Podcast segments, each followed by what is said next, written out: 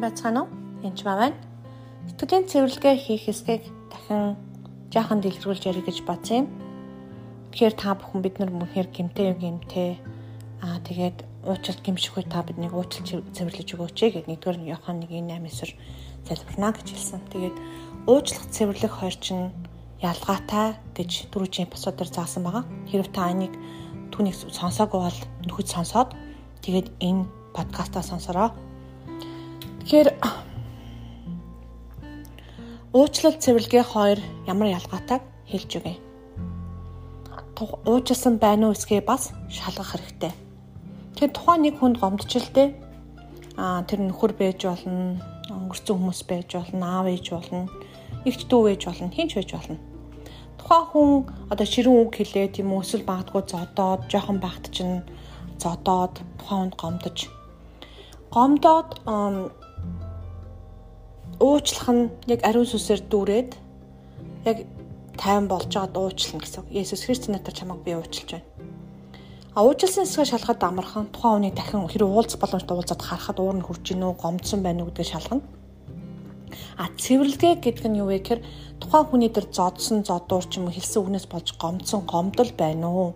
Эсвэл зэр зодуусан байх юм бол таригдлага болон бие махбодын бүх гэмтэл сэтгэл санааны бүх гэмтэл одоо тэр бүгдийг сүнсний гимтлэг эзэн Есүс Христосийн нэрээр та цэвэрлэж өгөөч ээ гэж залбирна гэсэн үг. Ингээд залбирх үед цэвэрлэгээ явагддаг. Аа бурханд хийх боломж нь олгож байна гэсэн цэвэрлэж өгөөч гэдэг. Тэр инхээр цэвэрлэгээ болон уучлалыг яг үндэ бурхан хийдэг байгаа. Тухайн хүнийг би уучлана харин хийсэн үйлдэлийг уучлахгүй. Ямар ч байсан бага насны хүүхдийг зотно гэдэг бол буруу. Эхнээ хэрэлдсэн ч гэсэн хань ижил хоорондоо хэрэлдэж би энийгээ өвтгөн гэдэг буруу Ичнээ ухаантай чадaltaй байсан ч гэсэн босс нь доотлогоо анчлтныг юм уу эсвэл их чин дүүгээ дээрлэх гэдэг буруу. Ямар ч тохиолдолд тэр нь бол буруу зүйл. Хэл хэлэхгүйгээр хэлэх нь буруу зүйл. Тэр нь чөтгөрөөс байна уу өөрөө хэлсэн үү тэр нь хамаагүй буруу. Яг бол тухайн хүн чөтгөрд эзэмдүүлсэн тэр хүний бас буруу. Тийм учраас тэр үйлдэлийн нэрөөсөө уучлахгүй. Үйлдлийн эзэн дөрвөн гэсэн үг. Жишээлбэл нэгэн тохиолдолд хэлж өгье. Нэгэн сайхан эмэгтэй байсан. Маш үзэсгэлэнтэй гоё эмэгтэй Нөхөр нь байн зодож тэгээ тэрнээсээ болоод яалтчгүй салсан. Тэгээ дахиад гэрэлсэн. Дахиад гэрэлсэн болооч байнга шүний айцтаа шүн цочод сэрдэг. Аа түүнчлэн бас өөрийгөө голдог тийм байсан. Тэгээд тэр эмэгтэй дээр тэр нөхрийн залбирал хийсэн байгаа бид нар залбирсан, каунслинг хийсэн. Тэгээ тэр үед нөхрийгөө уучлж явуулахад би уучлцсан, би зөндөө уучлсан гэж хэлжсэн. Тэгээ би очисон.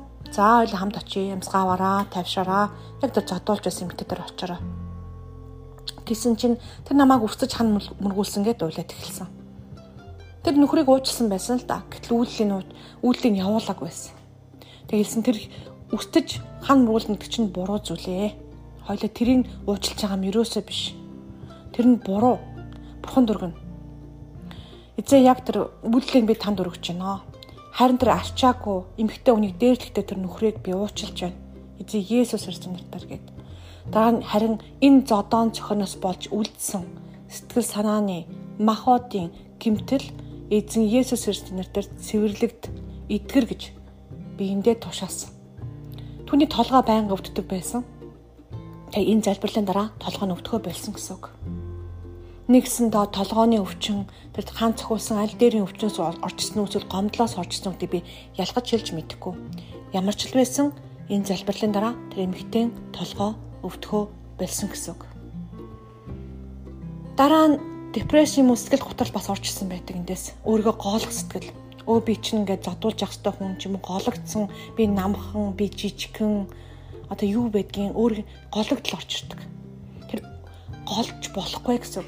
Та намханж байсан, өндөрч байсан, хүүхдч байсан бурхан та нэг л хүн, бүтэн хүн. Бүв бүтэн хүн шүү. Хүүхдийг 0.8 хүнийг том хүнийг 1.2 гэж тоолдоггүй үсттэй. Нэг хүнийг нэг хэдэн амбултэй гэхээр манайх 6 амбултай айл. Ба хүүхдүүд нь 0.5 нөхөр нь 1.5 болохгүй. Хүүхд ч гэсэн 1 нэг нэг. Тэрний том жижигхэн биеэс үл хамааран тэр хүн бүтэн хүн. Эзэн Есүс Христ дотор та бүтэн хүн шүү. Тийм учраас биеийнхаа хэмжээ эсвэл ямар амьдралыг тууснаас үл хамааран та бурхан дотор бүтэн. Тэгээ эзэн Есүс хэр дотор би бүтэн хүн та намайг цоош нь бүтэн болгож өгөөч. Шахалсан зүрхтэй хүн тандраа ирэхэд та миний зүрхийг эдгээдэг гэд. Тэгэхээр яг энэ гомдол янз бүрийн бол муухай үйл явдлуудаас болоод зүрхэн зүрх бас шархалсан байдаг. Тэр зүрхээ бас шархыг цэвэрлэж өгөөч гэж хэлнэ. Зүрхний шархыг эдгэж өгөөч гэж цэвэрлэн гэсэн. Тэгэхээр тухайн үйл явдлаас болоод магадгүй одоо толгой нь өвдөхгүй байсан ч гэсэн зүрхний шарх нь үлдсэн байж болно, гомдол нь үлдсэн байж болно. Тэгэхээр цэвэрлэгээ гэдэг бол уучлалаас тустай зүйл. Уучлсан ч гэсэн үлдсэн бүх юм цэвэрлэж өгөөч гэд эзэн дүргэн энэ үед эзэн цэвэрлэж өгдөг байгаа. Тэр энэ үйлдэлээс болж үлдсэн янз бүрийн бие сэтгэлийн гэмтэл нь бас цэвэрлэгдэнэ гэсэн. Энэ үед хүлээс бүрэн тасардаг. Гомдлын хүлээс тасардаг. Тухайн нэг бага наснд болсон тэр трама буюу үйл явдлууд бас тасардаг. Эсвэл цаалалт ч юм уу тэр хэрүүлээс болдсон юмнууд тасардаг баг. Энэ үед та чөлөөтэй болж байгаа. Тэгсэндээ чи үннийг мэдхэд үнэн чамааг чөлөөлдөг гэсэн. Үнэн бол цорын ганц Иесус Христ мөн. Тэр үнэхээр зам ам. Бурхан төрөх зам, цорын ганц зам бол Иесус мөн. Иесус бас энэ цэвэрлэгийг хийдэг байгаа бурхантай хамт энэ цэвэрлэгийг хийгээрэй. Тэгээд магадгүй тухайн хүнийг уучлсан байсан ч гэсэн эргэн санах үед түнтэй төстэй хүн харагдах үед айдж орж орж ирж болно. Эсвэл хаалга гин чанга эсвэл чагарсан дуу чимэд ч юм уу. Тэгэх юм бол та энэ цэвэрлэгээ дутуу байна гэсэн үг. Тухайн хүнийг бүрэн уучлаад бүрэн цэвэрлэгээ хийх ёстой гэсэн. Тэгсний дараа итгэл яв бүрэн явагдана шүү. Энэ бүхэнд аа үнэхээр Бурхны хайр нэгүсэл хэрэгтэй хэрэгцээтэй. Тэгээ хайр нэгүслэр дүүрж жагаад цэвэрлэгээ хийгээрэй. Баярлалаа. Баяр таа.